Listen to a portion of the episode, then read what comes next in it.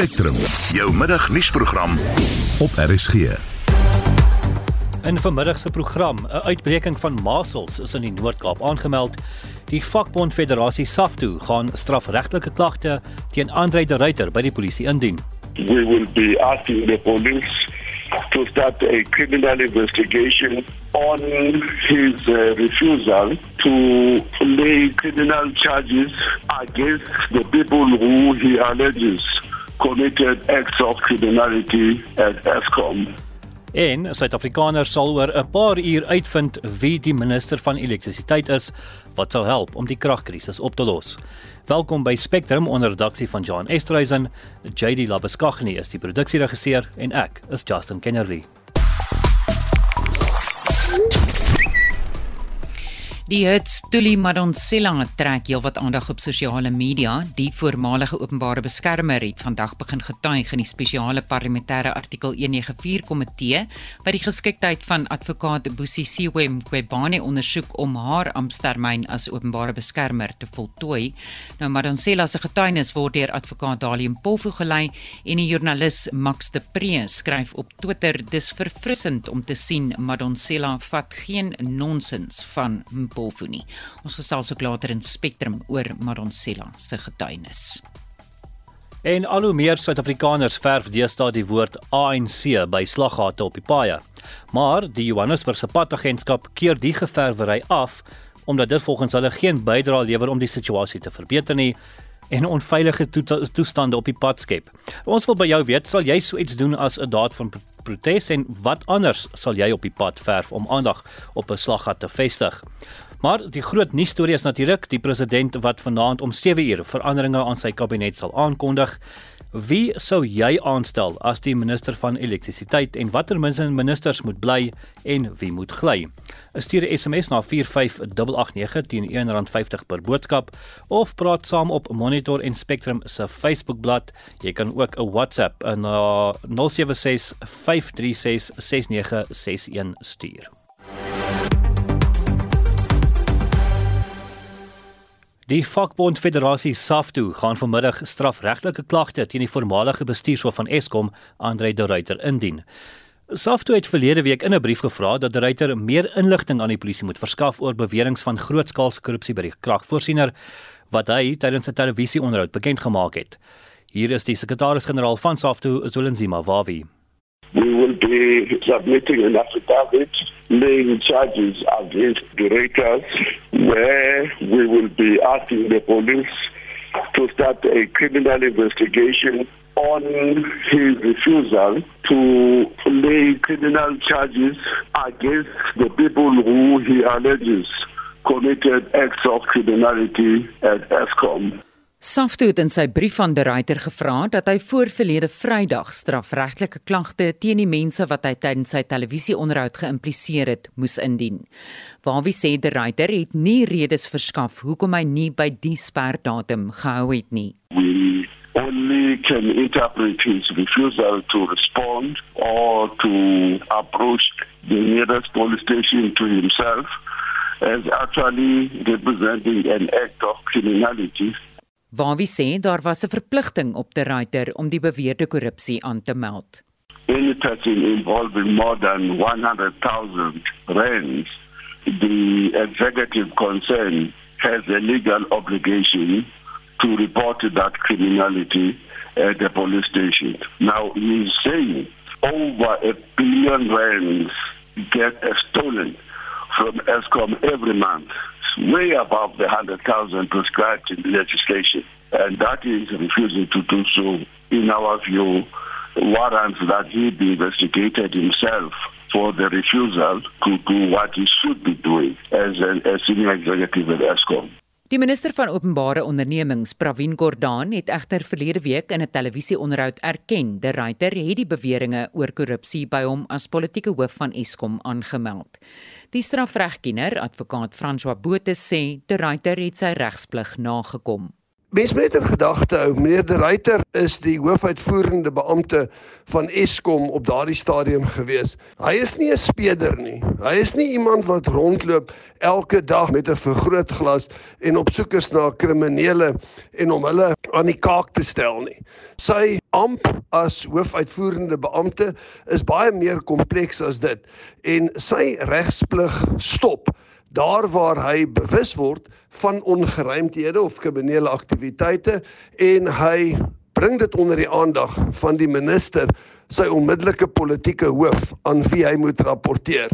Die vraag is wat het die minister gedoen om die ondersoek te bespoedig of om dit onder die aandag van die Suid-Afrikaanse polisie of die kabinet of die valke te bring. Dit was die strafregkenner advokaat François Botes. Ek is Estie de Klerk vir SAK nuus. En die dag het uiteindelik aangebreek. President Cyril Ramaphosa sal vanaand om 7 uur die veranderinge aan sy kabinet aankondig. Vir, vir meer oor wat ons kan verwag, sluit 'n politieke ontleder van die Noordwes Besigheidsskool, professor Andrei Dievenage by ons aan. Goeiemôre prof. Middag Justin. So die verwagting was uh, dat hy verlede Sondag al hierdie veranderinge sou aankondig. Gevolglik is hy gekritiseer omdat die kabinetskommeling nie vroeër plaasgevind het nie. Is mense reg om ontstel te wees hieroor? Weet jy Justin, ek is nou al in radio-onderhoude oor die laaste jaar waar daar verwagtinge is dat hy sy kabinet moet skommel. En ek dink regtig dit is nodig en in belang van effektiewe regering dat daai kabinet lankal al geskommel moes gewees het. Maar toe was die verskoning die nasionale konferensie. Nou ons is deur die nasionale konferensie. Ons is nou al 'n paar weke verby die sona en nog steeds het niks gebeur nie. Vrydag sou dit gebeur het, maar toe was daar 'n ander betrokkenheid en belange, maar ek dink tog daar sal vanaand iets na vore kom. Uh ek dink wat dit wel opgehou het is 'n aantal faktore. Die eerste is die styl van meneer Ramaphosa om die sogenaamde long game te speel. Hy onderhandel agter die skerms, kry konsensus en beraadslaag alvorens hy 'n besluit neem. So dis die een aspek. Die tweede aspek is ek dink daar is effens 'n ongemak met die posisie van Paul Mashatile. Ek tel konflik op tussen die Mashatile groep aan die een kant en die Ramaphosa groep en daar is weerstand in die Ramaphosa kamp om Paul Mashatile sonder meer aan te stel. Nou Paul Mashatile is op die oomblik gegee by die konferensie 'n baie invloedryke figuur en hy het sterk bande met onder meer groeperinge in Noordwes, in Gauteng, in Mpumalanga. My inligting sê dit sluit hierdie Mabuza onder meer in, maar dit sluit ook RET groepe en dit sluit die EFF in. En ons weet die EFF en Panjasa Lesofie beweeg hier in Gauteng en ek dink dit was 'n kompliserende faktor. Maar uiteindelik verwag ek dat die president nie 'n ander keuse sal hê as om uh meneer Paul Mashatile wel aan te wys as uh die adjunkt president van die land. Nie. So, hoeveel mag en autonomie het die president werklik wanneer dit by hierdie skommeling kom? Met ander woorde, hoeveel besluite neem hy self en hoe baie daarvan word aan hom voorgeskryf? Kyk, die president funksioneer binne die raamwerk van die ANC. Nou, as hy 'n sterk leier is, dan sal hy hierdie besluite in eie reg neem en sal die mense hom volg. Maar op die oomblik is dit nie heeltemal meneer Ramaphosa se situasie nie. Hy het weliswaar steun, maar dit is gekwalifiseerde steun wat lê in belangegroepe en in identiteite en in rolspelers binne die sogenaamde breë kerk van die ANC en hy moet probeer om daar 'n balans, 'n ekwilibrium te kry en dit maak sy beweegruimte soms baie klein. Maar wat interessant sal wees om te sien wat indien enige iets hy gaan doen aan die posisie van mense soos Kwedi Montash sowel as Pravin Gordhan wat nou deur hierdie die hele de Ruiter episode op 'n manier geïmpliseer is. Wat gaan gebeur met sy groot opponent Nkosazana Dlamini Zuma wat skynbaar sterk steun vanuit die NK geniet en vir my lyk en volgens my inligting voortgaan om die rampbestuur situasie te bestuur. Wat gaan hy maak met Lindiwe Sezulu? Ek dink dit is 'n ander belangrike vraag en dan ook die minister van uh, polisie Bekkie Cele. Gaan hy hom skuwe na die portefeulje van uh, intelligensie? My verwagting is dat daar nie te veel gaan gebeur nie. En ek wil op 'n manier met die leier van die oppositie John Steenhuisen saamstem deur te sê hulle gaan die stoele op die dek van die Titanic 'n bietjie herrangskik en miskien hier en daar 'n kleiner nuwe gesig sien. Ek verwag nie 'n dramaties gewysigde aangepaste nuwe kabinet nie. Ek wag skommeling hier en daar die plasing van 'n nuwe persoon, maar die oorwig gaan meer leun na die kant van die status quo toe. Die verandering wat wel kan wees, kan wees rondom Paul Mashatile. So jy verwag nie enige nuwe gesigte nie. Die nuwe gesigte mag kom uit daai kandidate wat hulle onlangs tot die parlement toegelaat het. Ek dink daar is twee Ramagopas ek dink Sputnik Ramaggopa mag heel moontlik die nuwe minister van elektrisiteit wees en dan weet ons iemand moet in Fikile en Balula se posisie aangestel word. Maar ek verwag nie dat ons kom ons sê 'n verjongingskuur, 'n vernuwingskuur gaan kry nie. Ek verwag meer 'n voortsetting van die status quo met kleiner taktiese en strategiese skuwe binne daardie raamwerk en 'n enkele nuwe gesig hier en daar. Daar was ook verwagtinge of bespiegeling dat die minister van polisie Bekkie Cele na intelligensie geskuif kan word. Aggenome die misdaadsyfer wat net by die dag erger word, dink jy dit is 'n moontlikheid?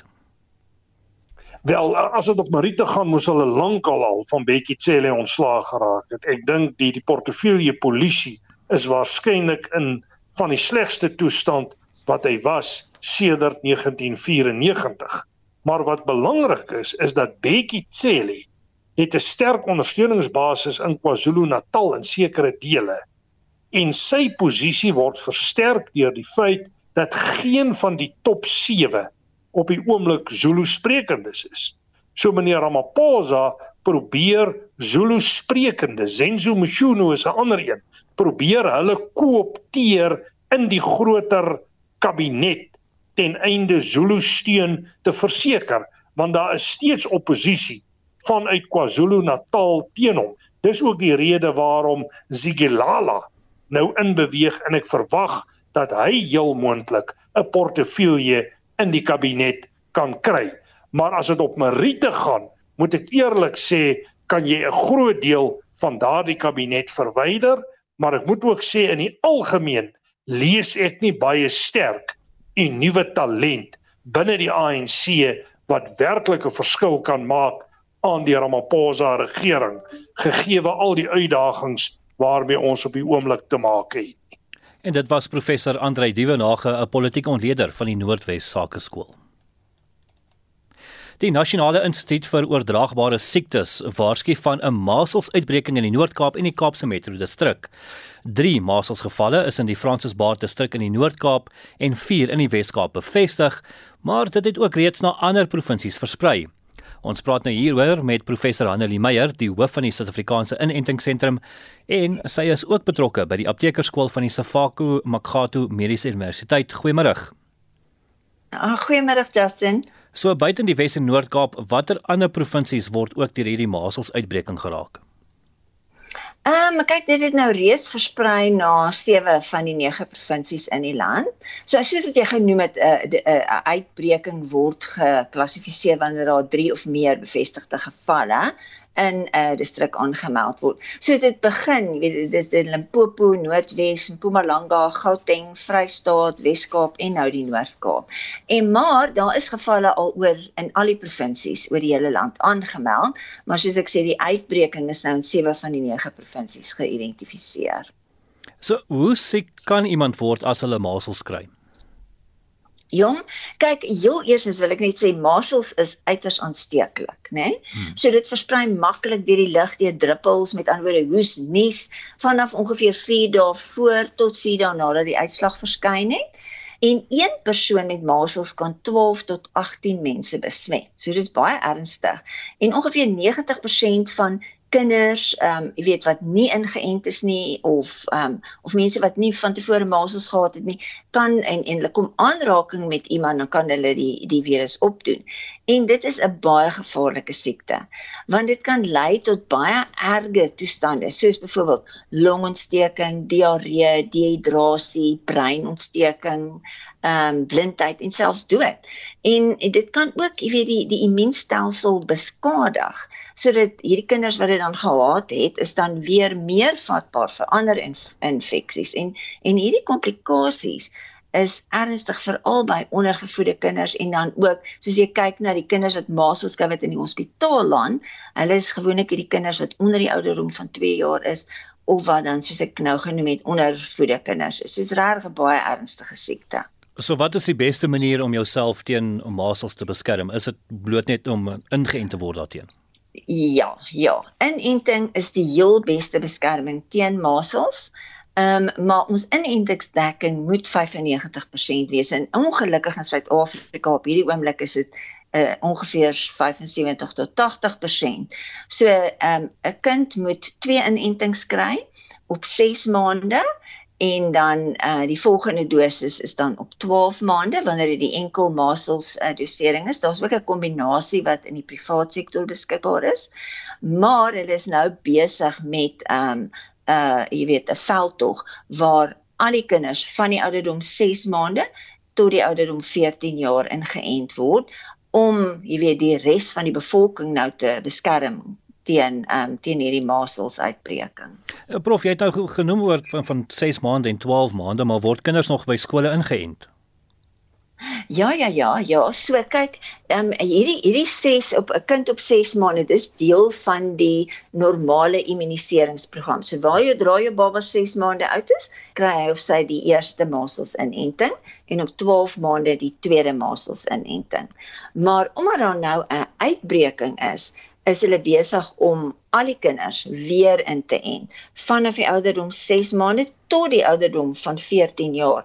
Omdat ons die masels um, uitbreking nou sien in ander ouderdomsgroepe ook. Jy weet dis kinders um 1 tot 2 jaar 2 tot 5 jaar ouer as 5 jaar. So dis hoekom almal nou ingeënt word om om dit te probeer bekamp. Jy weet sodat dit nie verder hande uitruk nie Uh, net so laaste vraag, wat is jou raad aan ouers wat gekant is teen hierdie inentings? Weet jy wat, ehm um, so hierdie mense wat huiwerig is, jy weet mense moet mense moet onthou dat dat ouers gewoonlik ehm um, jy weet hulle hulle is huiwerig want hulle is regtig bekommerd oor hulle kinders en hulle wil die beste doen vir hulle kinders. Maar die my beste raad is in indien 'n persoon huiwerig is, en dit kan wees heel waarskynlik as gevolg van al die mis um uh jy weet misinformation, skiet vir die Engels wat versprei word op sosiale media, media en dan ook mense wat wat bang is vir neeweffekte van van ehm um, inentings. So die beste is om met iemand 'n gesondheidswerker te gaan praat wat jy kan vertrou en wat enstof huiwering verstaan sodat hulle vir jou, jy weet, kan verduidelik en en jou vrae kan antwoord op hierdie vrese ehm um, en dan ook om te verduidelik wat die risiko's is en die voordele. Want wat mens moet in ag neem is dat die ehm um, soos ek genoem het, dis die beste manier om die oordrag van masels te verhoed. 'n Mens moet altyd in ag neem wat is die risiko van my kind om masels te kry? Sou my kind masels kry, wat is die risiko dat hy erge siekte gaan kry of jy weet ander nagevolge kan hê? En dan moet mens ook in ag neem, dit gaan nie net oor jou eie kind of jouself nie, maar dit gaan oor die kudde immuniteit. Met ander woorde om ander rondom jou ook te beskerm, maar daar's kinders met verswakte immuunstelsels en alhoewel hulle ingeënt is, kan hulle nie 'n voldoende of 'n genoegsame immuunrespons oplewer nie en dan kan jy een van hulle aansteek en daai kinders kan dan baie siek word of doodgaan of jy weet lewenslange gevolge hê daarvan. Ons het gepraat met professor Hanelie Meyer, die hoof van die Suid-Afrikaanse Inentingsentrum. By all means necessary or possible, we are ready. Nou dit is die opskrif van 'n foto van die EFF leier in, in Mpumalanga, Colin Sidibe, wat 'n semi-outomatiese geweer vashou. Nou die foto is deur Sidibe op uh, Twitter gedeel, maar geen konteks word gegee nie. Of dit verband hou met die EFF se nasionale optog oor 2 weke is 'n oop vraag. Nou Action Society se Ian Cameron sluit nou by ons aan. Goeiemôre Ian. Goeiemôre Justin. So sê die behou die wapen in een hand vas met sy ander hand in sy broeksak. Hoe interpreteer jy die foto? Man, ek het tong in die kies vanoggend op Twitter gesê dit is die volgende ronde van WBS se bankskandaal wat laai. Ehm um, ek moet eerlik wees, kyk dit lyk baie sleg. Dit skep 'n behalwe vir die feit dat dit lyk, sjoe, kom ek probeer ordentlik wees. Behalwe vir die feit dat dit lyk soos 'n boepensbrigade, dink ek uh dit jy weet dit skep regtig nie 'n indruk van 'n van 'n ordelike instansie wat 'n toekoms wil bou in Suid-Afrika nie en ek dink dit maak net verdere afbreek aan die EFF se reeds gebroke reputasie. Wat my bekommer daarvan is hoekom het hulle daardie vuurwapens? Het hulle dit wettig bekom? Ons het gesien dat Julius Malema reeds van tevore betrokke was by onwettige hantering van vuurwapens ook uh uh saam met sy leiwag Adrian Snyman. Ons geen twyfel dat wat dat Sani gebeur het toe hy daai ehm um, wat hulle sê eers vuurwerke was en toe 'n klomp ander verskonings oor uitgedink het 'n werklike uh vuurwapen was nie. So dit dit skep 'n klomp vraagtekens rondom die EFF se optrede.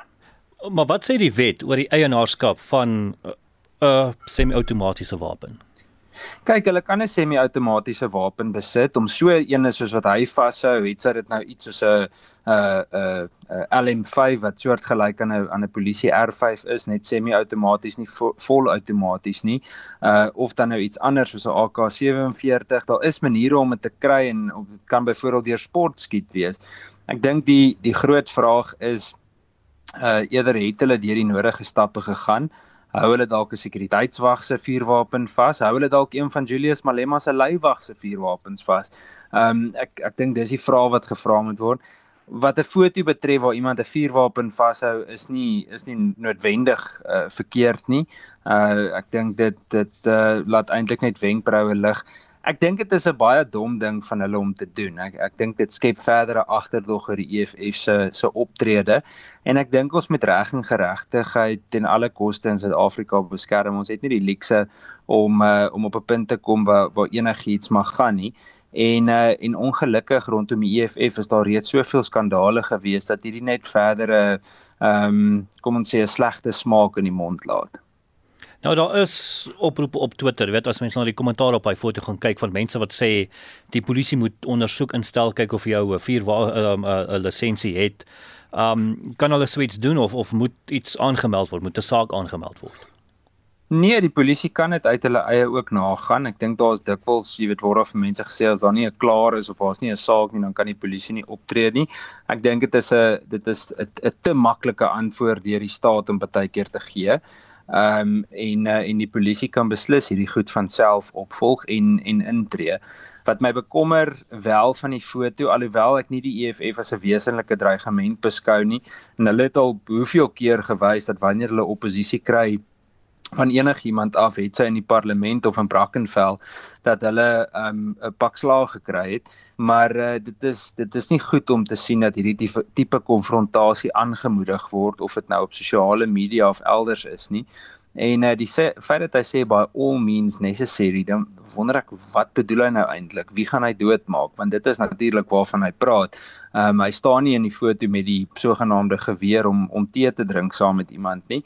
En ek dink dit is die vraag wat 'n mens moet gaan vra of 'n mens dit so ver sal kan gaan om te sê dit is aanhitsing van geweld as ek nie so seker nie, maar uh, maar ek dink beslis dit is iets wat die staat waarskynlik sal kan ondersoek. Hulle moet eintlik net sien of die politieke wil daar is.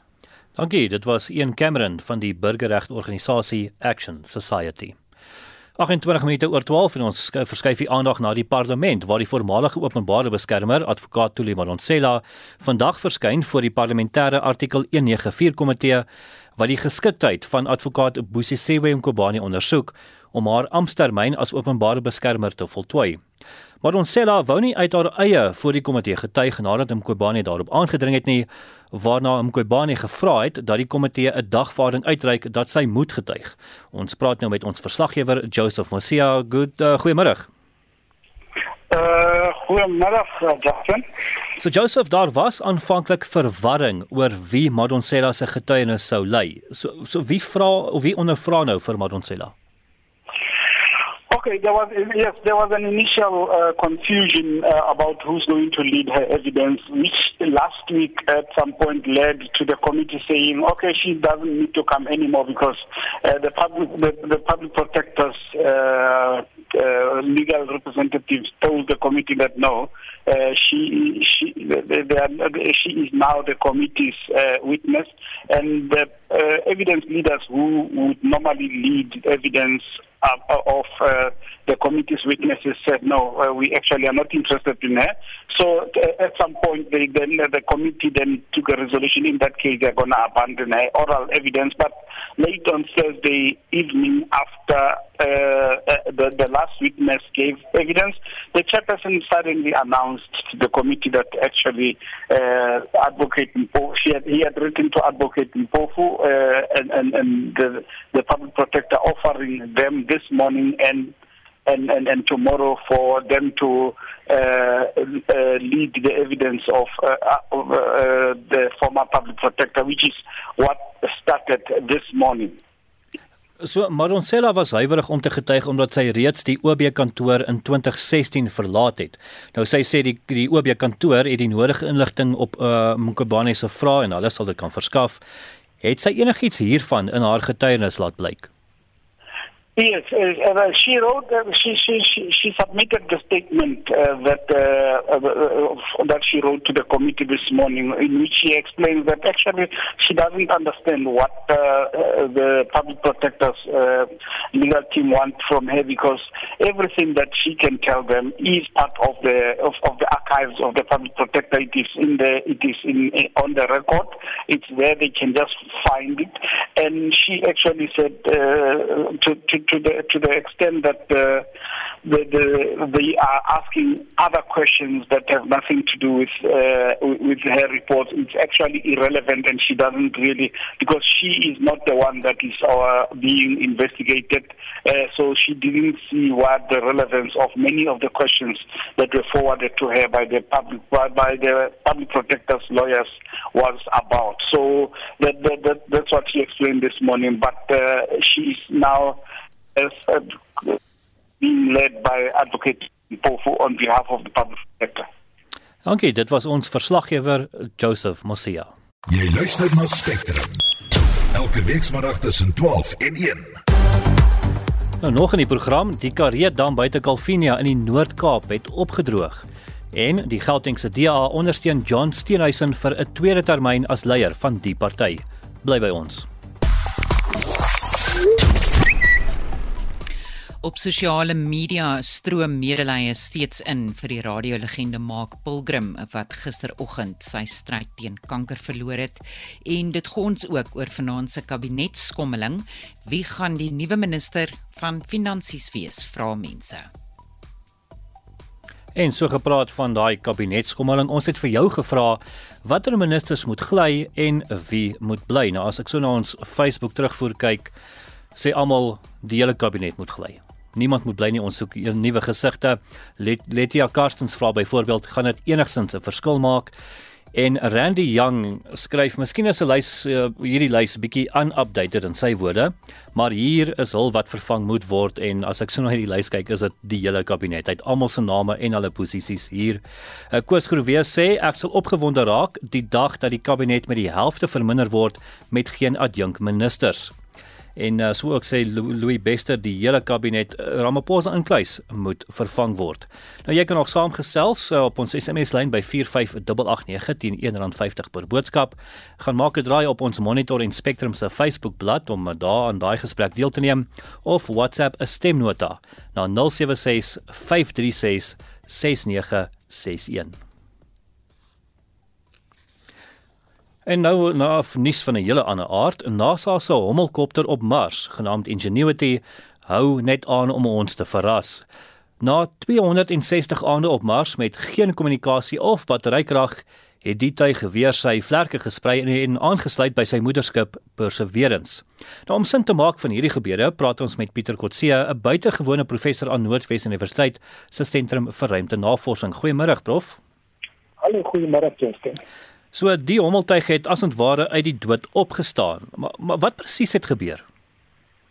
Ja, mens kan dit werklik uh, beskou as een van die krisissituasies wat eintlik as 'n nagmerrie vir enige ruimteagentskap beskou kan word. Wat gebeur het in kort is dat daar het stof versamel op die uh, sonpaneel wat die krag voorsien aan die uh, perseveer uh, die ingenuity helikopter in met die gevolg sy batterye wat eintlik maar net 6 uh, bestaan uit 6 uh, selfoonbatterye het gevaarlik lae vlakke begin bereik en toe die rekenaar dit optel het die rekenaar besluit om voorsorgmaatreëls te tref want kyk dit word uiters koud op uh, Mars gedurende die nag. Temperature van -60 grade onder vriespunt is geensins buitengewoon nie. So dit die rekenaar het begin om die stelsels af te skakel en het, het homself ook afgeskakel en ook 'n interne revolusie Nou tydens hierdie uh,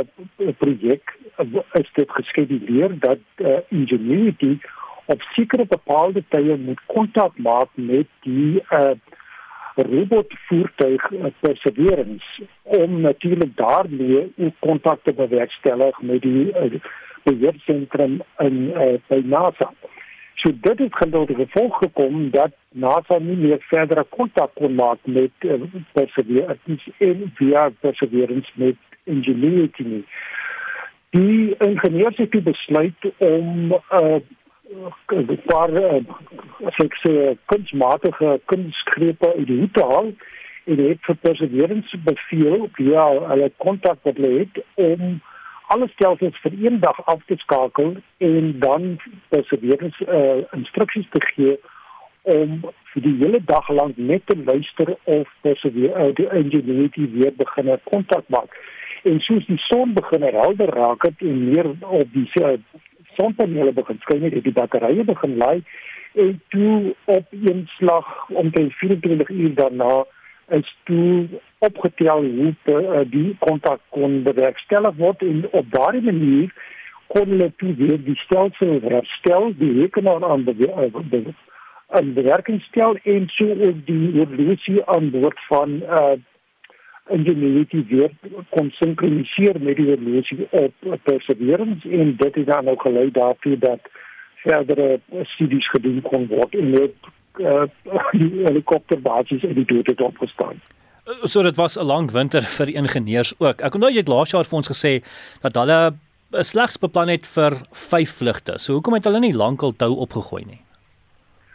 Kyk, soos dit nou maar uh, gaan by 'n ruimteagentskap en wat die, die projek se naam ook is Perseverance, het hulle gesien daar is uh, baie groot potensiaal vir verdere ondersoeke met behulp van helikopter op Mars dat hulle verdere vlugte kan onderneem en het dus besluit dit is die moeite werd om hierdie uh, helikopter aan die lewe te hou en tot op huidige toe het hierdie helikopter nou al 10000 uh, kilometer op uh, uh, op Mars afgelê en is, is dit ook besig om baanbrekerswerk te doen met uh, die tegnologie wat hulle het en wat dus vir ons 'n duidelike aanduiding is dat hierdie helikopter met vrug gebruik kan word op nie net op Mars nie maar heel waarskynlik ook op ander uh buite ruimte liggame soos byvoorbeeld uh, Titan op die uh, Mars ag 'n uh, maan van uh, Saturnus en verdere ondersoeke wat gedoen kan word want dit verskaf die moontlikheid aan navorsers om plekke te besoek wat nie net 'n robotkarretjie besoek kan word, soos byvoorbeeld onbegaanbare terrein en natuurlik rotse en geologiese uh, verskynsels wat andersins nie, nie moontlik is om ondersoek te kan word nie. Dankie. Ons het gepraat met uh, Pieter Kotse, 'n buitengewone professor aan Noordwes Universiteit se sentrum vir ruimtenavorsing. Nou die leier van die DA, John Steenhuisen, geniet reeds die steun van vier provinsies in sy veldtog om herverkies te word as leier van die party. Die party se leierskapskonferensie begin op 1 April. En ons praat nou met die dekaan van Geesteswetenskappe aan Akademia, professor Pieter Dievenage. Goeiemôre. Goeiemôre Justin. So die vier provinsies wat sover Steenhuisen ondersteun is Gauteng, die Oos-Kaap, die Vrystaat en KwaZulu-Natal. Is daar iets te vind in die feit dat die provinsies nou al oop kaarte speel? Wel, 1 1 April is nie ver van die uh, verkiesing uh van die nuwe DA leierstruktuur nie, Justin, soos jy dit gestel het. En uh die vier provinsies Gauteng, Oos-Kaapland, Vrystaat en KwaZulu-Natal uh, KwaZulu-Natal is interessant, veral wat Gauteng aanbetref, want uh soos ons nou uh ook verder sal gesels, die groot teenstander of uh die teenstander wat aangekondig is vir John Steenhuisen uh rondom die hele kwessie van leier van die DA is iemand wat uit Gauteng kom. So Steenhuisen het Saterdag sy manifest in Johannesburg bekend gemaak en dis in sy teenstander in Popalatse se agterplaas. So watter boodskap stuur dit uit? Ja, dis nou in samehang met my vorige antwoord dat dis interessant dat hy sy manifest hier in uh, Gauteng bekend gestel het en ons het nou gehoor die Gauteng provinsie van die DA het hulle steun aangekondig vir John Steenhuisen. So ek dink dit plaas sy direkte teenstander in Puma Palatsi wat tot 'n ruk gelede burgemeester van Johannesburg was en nou net 'n gewone uh raadslid in die metro is. Uh nog steeds 'n belangrike DA figuur binne die Johannesburg metro. Dit plaas haar in 'n moeilike posisie want John Steenhuisen wys vir haar. Ek het steen landwyd en ek kom stel my manifest hier in jou agterplaas uh Gauteng bekend. So ek dink die boodskap wat uitgestuur word aan Palatsi is dat ehm um, Steenhuisen staan sterk in die DA en as sy teen hom wil staan vir die leierskap van die DA op 1 April by hulle konferensie dan sal sy haar storie moet ken. Maar hoeveel ondersteuning het sy in haar poging om leier te word? Ek dink nie veel nie. Ek dink uh as jy my vra, gaan dit in die politiek op watter vlak ook nou al plaaslike regering of provinsiaal of nasionaal in die politiek gaan dit altyd oor tydsberekening. En ehm um, al het John Steenhuisen nie goed gedoen by die staatsrede nie, staan hy andersins sterk in die DA en dit beteken dat as uh Dr Palatsi hom wil uitdaag, uh dan is my vraag is hierdie nou die regte tyd? Moet sy nie nou eerder jy weet fokus op die Johannesburg Metro kyk of die DA koalisie nie dit weer in die hande kan kry nie en dan geleidelik haar statuur en haar uh status binne die party opbou nie. Jy weet en dat 2024 is dalk 'n bietjie 'n te vinnige poging van haar kant af as jy my vra. So is Steenhuisen nog die regte keuse vir die DA of is dit nou tyd vir varser bloed? Kyk, ek dink uh, John Steenhuisen staan baie sterk. Ehm um, soos ek in my vorige vraag vir jou beantwoord het, hy is eintlik sy hele lewe lank in die DA en hy ken die party van binne af A tot Z. Uh en dit is tog ook vir my interessant dat hy daar was heelwat woelinge in die leierskap van die DA tot voor sy keuse so 'n paar jaar terug. En uh, en hy het in 'n sekere sin die DA saam met Helen Zille weer baie stabiel gemaak in terme van die nasionale leierskap. So ek kan werklik nie sien dat hy in hierdie stadium uit die kussings gelig gaan word nie. Ek dink ook as mens praat, jy het dit baie mooi geformuleer dat dit nou gaan oor varser bloed in die DA, dan dink ek nie op die oomblik is daai varser bloed nodig nie. Ek kan nie sien dat iemand in die DA en dit sluit nou uh vir dokter Palatsi in in die stadium vir hom 'n uh, 'n bedreiging is nie. En ek het 'n vermoede dat hy op 1 April en uh, en 'n redelike sekerheid as uh, as ek 'n voorspelling moet waag dat hy in by die verkiesing nou van die DA se leierskap op 1 April weer uh, as die leier van die DA verkies sal word. Jy weet ons het reg aan die begin toe jy jou vraag gestel het na vier provinsies verwys. Jy weet Gauteng, Oos-Kaapland, Vrystaat en KwaZulu-Natal wat hom reeds steun. Ons het nog nie eens van die Wes-Kaap gepraat nie en ek dink daar het John Steenhuisen op baie sterk steun. Baie dankie. Dit was die dekaan van Geesteswetenskappe aan Akademia, professor Pieter Dievenage. Dit is byna kwart voor 1 en uh, die Karee Dam in die Noord-Kaap het opgedroog. Die dam is Calvinia se belangrikste waterbron en die plaaslike munisipaliteit het nou streng waterbeperkings ingestel om die krisis te bestuur. Vir meer hieroor praat ons met ons verslaggewer in die provinsie Ulrich Hendriks. Goeiemôre Ulrich. Goeiemôre Justin. Ek wil jou vra hoe erg is die waterkrisis, maar ek meen die dam het opgedroog, so dis baie erg nie mekaan. Ja, nee, dit is baie baie erg. Die dam is heeltemal droog. Daar is 'n druppel hier ons het die dam besoek. Uh, hy self verkraak. Ehm um, so so daar geen water in die Karoo dam nie. Hy hou gewoonlik so 1 miljoen uh, kubieke milliliter. Ehm um, maar daar niks nie op die oomblik het hulle uh, agt boorgate waar wat die gebied voorsien. Ehm uh, maar dit kan ook net soveel water voorsien per dag en so is daar baie mense nog steeds uh, vir lang tydperke sonder water as uh, inwoners van wie ons sosiaal sit wat ehm um, op daai stadium 3 dae sonder water was. Uh, hulle het nou wel in die hoër gebiede gehoor liggende gebiede gebly. Ehm um, so die die faktor wat ook daar betrokke is, is natuurlik load shedding ook of weerkrag waar die water nie gepomp kan word tot daar by daai oorliggende gebiede nie. En so dan is hulle sonder water natuurlik, maar dit is 'n baie baie groot krisis uh, vir die gemeenskap van die Antam distriksmunisipaliteit. As ons het genoeg ons het genoem dat die plaaslike munisipaliteit nou streng waterbeperkings ingestel het. Uh, het dit werklik nou gebeur? Hoekom is dit nie voorheen gedoen toe die damvlakke gevaarlik laag begin word het nie. Hulle het ehm um, dit ingestel toe toe toe hulle sien dat die dat die dam jy weet ehm um, in van die dae op opdroog. Ehm um, maar uh, daar is nog mense wat wat dit so ontagsaam het en so hulle ook begin met die boetes en dat dit van goed maar streng water maatreëls is in plek. Die weer gewone soos jy jy, jy moet die water moet jy jy kan dit net vir huishoudelike gebruik doen uh, gebruik. Jy mag die karre was die tuin nat maak, die, die tipe van goed. Um, maar sommige gemeente soos ek sê, ehm um, vond agsam nog steeds serieus, maar hulle kry daarom uh, nog boetes uh, daaroor. Ehm um, maar dit is baie duidelik dat dat dit baie ernstige impak op mense en besighede het. Uh jy weet, uh, baie besighede, wel alle besighede het water nodig om te funksioneer. En vir al restaurante en plekke waar waar higiëne moet gehandhaaf word uh, is natuurlik uh, word natuurlik uh, uh, hard getref hieroor.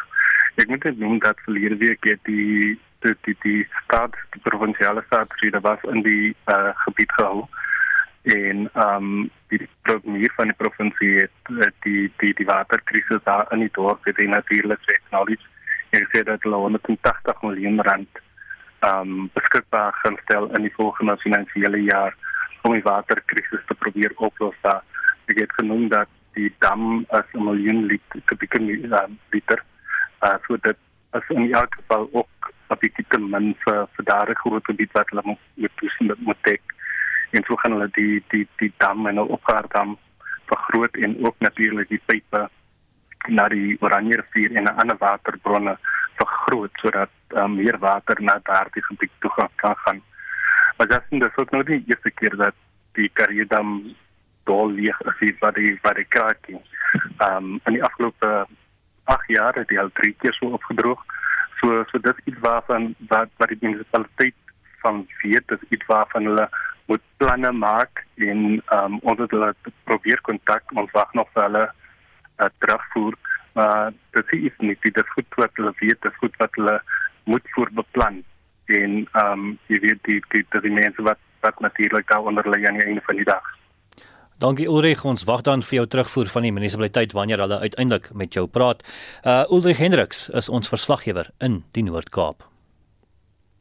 Nou tussen 2000 en 2005 is sowat 6000 plase van meer as 4500 boere in Zimbabwe sonder vergoeding onteien. 2 jaar gelede het Zimbabwe verskeie vergoedingsaanbiedinge aan die boere gemaak wat weer telkens verstryk het. Intussen het die Wêreldbank, die Internasionale Monetaire Fonds en lande soos die FSA beperkings teen Zimbabwe ingestel wat dit moeilik maak om handel te dryf in die land. Die familieboerderyorganisasie SAI het vanoggend met verskeie ambassadeurs van Europa en SADC lande vergader oor vergoeding aan die boere wat van hul plase onteien is. En ons praat nou met SAI se direksievoorsitter Theo Die Jager. Goeiemôre. Goeiemôre Justin. Lekker om weer met jou te praat. Eh, Theo, eh, wat is tydens julle vergadering met die ambassadeurs bespreek? Daar is basies vir hulle oorsig gegee van hoe die uh, politieke en die regsproses verloop het sedert hierdie boere van hulle plase afgegooi is, veral in die in die in die regskant, die SADC tribunaal wat 'n verdoemende uitspraak teen Zimbabwe se aksies ehm um, gegee het, daarna ontbind is. En die die aksies wat toe in Suid-Afrika aangestel is teen die Suid-Afrikaanse regering ehm um, vir vir hulle deelname aan aan die ehm um, ontbinding van die SADC tribunaal en daardie regsaksies het daartoe gelei dat vir die eerste keer in die geskiedenis 'n land se eiendom in 'n ander land opgeveil is vir vergrype aan menseregte uh, toe daar in 2015 'n huis wat aan die Zimbabwese ambassade behoort het opgeveil is in Kenilworth. En en en daar is steeds nou 'n saak voor die hof waar vergoeding geëis word of skade geëis word van die Suid-Afrikaanse regering wat baie huiwerig is om die rekening op te tel vir wat in Zimbabwe skeef geloop het. Aan die politieke kant van van hierdie hele ehm um, tafereel het het, het uh, die Zimbabwese regering alreeds in 2014 uitgereik na ons as landbouorganisasies in die in die, in die streek om te sê hulle verstaan dat kompensasie betaal moet word. As as daar nie vergoeding betaal word nie, gaan hierdie beperkings ehm um, by die Wêreldbank en die internasionale monetaire fonds nie opgehef word nie. En uiteindelik is daartoe 'n uh, global compensation deed geteken waar volgens die Zimbabwese regering en uh, voor Julie 2021 die helfte van die ooreengekome bedrag sou betaal, maar dit het nooit gebeur nie. En op hierdie stadium in die Zimbabwese regering nou ehm um, weer na die boere toe teruggekom en gesê hulle is bereid om oor 14 jaar ehm um, staatseffekte te gee vir uh, daardie waarde. En uiteraard is die Zimbabwese boere baie skugter om dit te aanvaar. Ehm um, weet daar daar's nie meer regtig vertroue oor nie by die boere nie en ook nie by die internasionale gemeenskap of by investeerders nie. So ons het vir die vir die ambassadeurs gesê dat ons drie aksies neem in saai. Ons sit met um, so wat 600 Zimbabwese boere wat ons lede is en en wat vir ons versoek het om hierdie aksies te neem. En die eerste is hierdie gesprek met die internasionale gemeenskap deur die ambassades in te lig wat in Pretoria gesetel is. Ehm um, maar maar ook ons ons ons is op die oomblik besig hier met 'n 'n 'n media konferensie waar ons media van oor die hele wêreld heen genooi het. Ons is ook besig om 'n beleggingsfonds op te sit, 'n beleggingsinstrument waar ons titelaktes in gaan stort en dan dan belê mense in die hoop op vergoeding.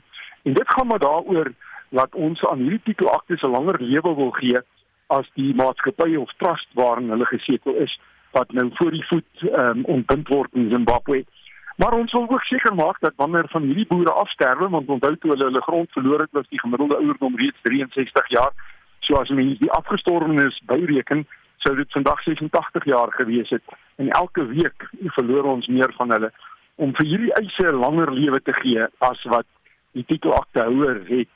Maar ons het ook 'n fonds op vir die kwesbare mense wat in in ouer huise en in hospitale is en wat wat op die oomblik niks het nie, wat nie weet hoe hulle aan die einde van die maand hulle medisyne gaan betaal nie om um, so al die die dreigement van die Zimbabwese regering dat hy gaan ophou om hierdie sogenaamde interim relief payments wat maar 'n paar dollar 'n maand is en nie elke maand betaal word nie om om om te verhoed dat dit 'n geweer teen die kop van die ander boere word om um, om hulle te dwing om enige nuwe aanbod te aanvaar. Baie baie dankie Theo, dit was die direksievoorsitter van SAI Theo De Jager.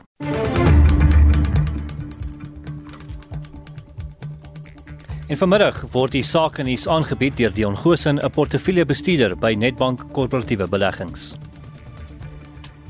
Middag Justin en luisteraars.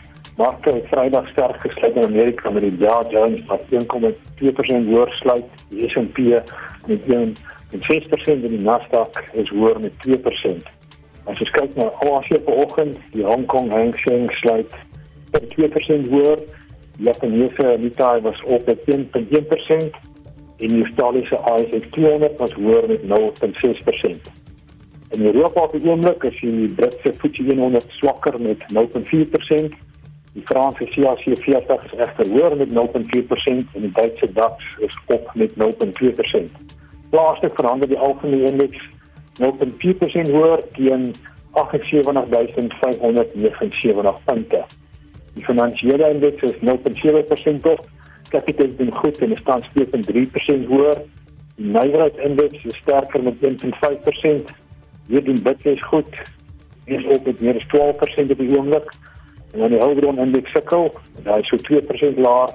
Anglo American Platinum staan 4% uh, in die rooi. As ons kyk na die kommoditeitspryse, goud verswak met so 0.5% te verhandel by 1851 dollar per ons. Platinum is laer met 0.7% te verhandel by 971 dollar per ons. En Brent rentekoers is swak met 1.4% te verhandel by 84 dollar 59 sent per vat. Die wisselkoerse, dollar gaan vir jou 18.24 kos, 'n pond tans R21.90 en die euro R19.40. Rentekoerse die R20 reg onveranderd, uh, verhandel by 10.13%. Luisteraars kan uitkyk vir die Suid-Afrikaanse ekonomiese groeisyfers wat Woensdag bekend gemaak word. Die verwagting is dat beurtkrag 'n negatiewe impak gehad het op die groei met 'n bruto binnelandse produksyfer van -0.4 vir die kwartaal wat verwag word en dan 'n jaar op jaar syfer van 2.2% teenoor die vorige 4.1%. Dankie. Dis dan die einde van die sake nuus. En dit was Dion Gosen, 'n portefeuljebestuurder by Nedbank Korporatiewe Beleggings. Nou die DA het bekend gemaak dat die Amerikaanse dollar wat in president Cyril Ramaphosa se rusbank op sy Palapala plaas versteek was, nie by die Suid-Afrikaanse Inkomste Diens verklaar is nie. ST het vir ons meer inligting oor die en ander stories. Ja, Justin, die DA-leier John Steenhuisen sê in 'n verklaring, Ramaphosa het vir hierdie jaar beweer hy het 580 000 Amerikaanse dollar van 'n Sudanese burger, Hazim Mustafa, ontvang wat buffels by hom gekoop het en dat die geld by die inkomste diens verklaar is, maar dit blyk nou uit inligting wat die DA met 'n paai aansoek bekom het, dit is nie verklaar nie. Hier is Steenhuisen. To verify Mr. Ramaphosa and Mustafa's claims that this was indeed a legitimate business transaction using foreign currency that had legally entered the country, I submitted a PI request in December 2022 to obtain the relevant customs declaration forms that Mr. Mustafa would have submitted to declare the 580,000 US dollars that he was bringing into the country. The DA has now received the response from SARS with them confirming that the record does not exist and or cannot be found. And this was accompanied by an affidavit from a senior legal specialist in SARS Corporate Legal Services Department. Ten minste 50 voertuie en 'n vragmotor was betrokke in 'n ernstige botsing op die M41 hoofweg in KwaZulu-Natal in die rigting van die M4 na Umhlanga. Die vragmotor het na bewering beheer verloor en in die voertuie ingery en verskeie mense is beseer. 'n Motoris van Phoenix, Loendrin Govender, wat betyds die botsing kon vermy, beskryf wat hy gesien het.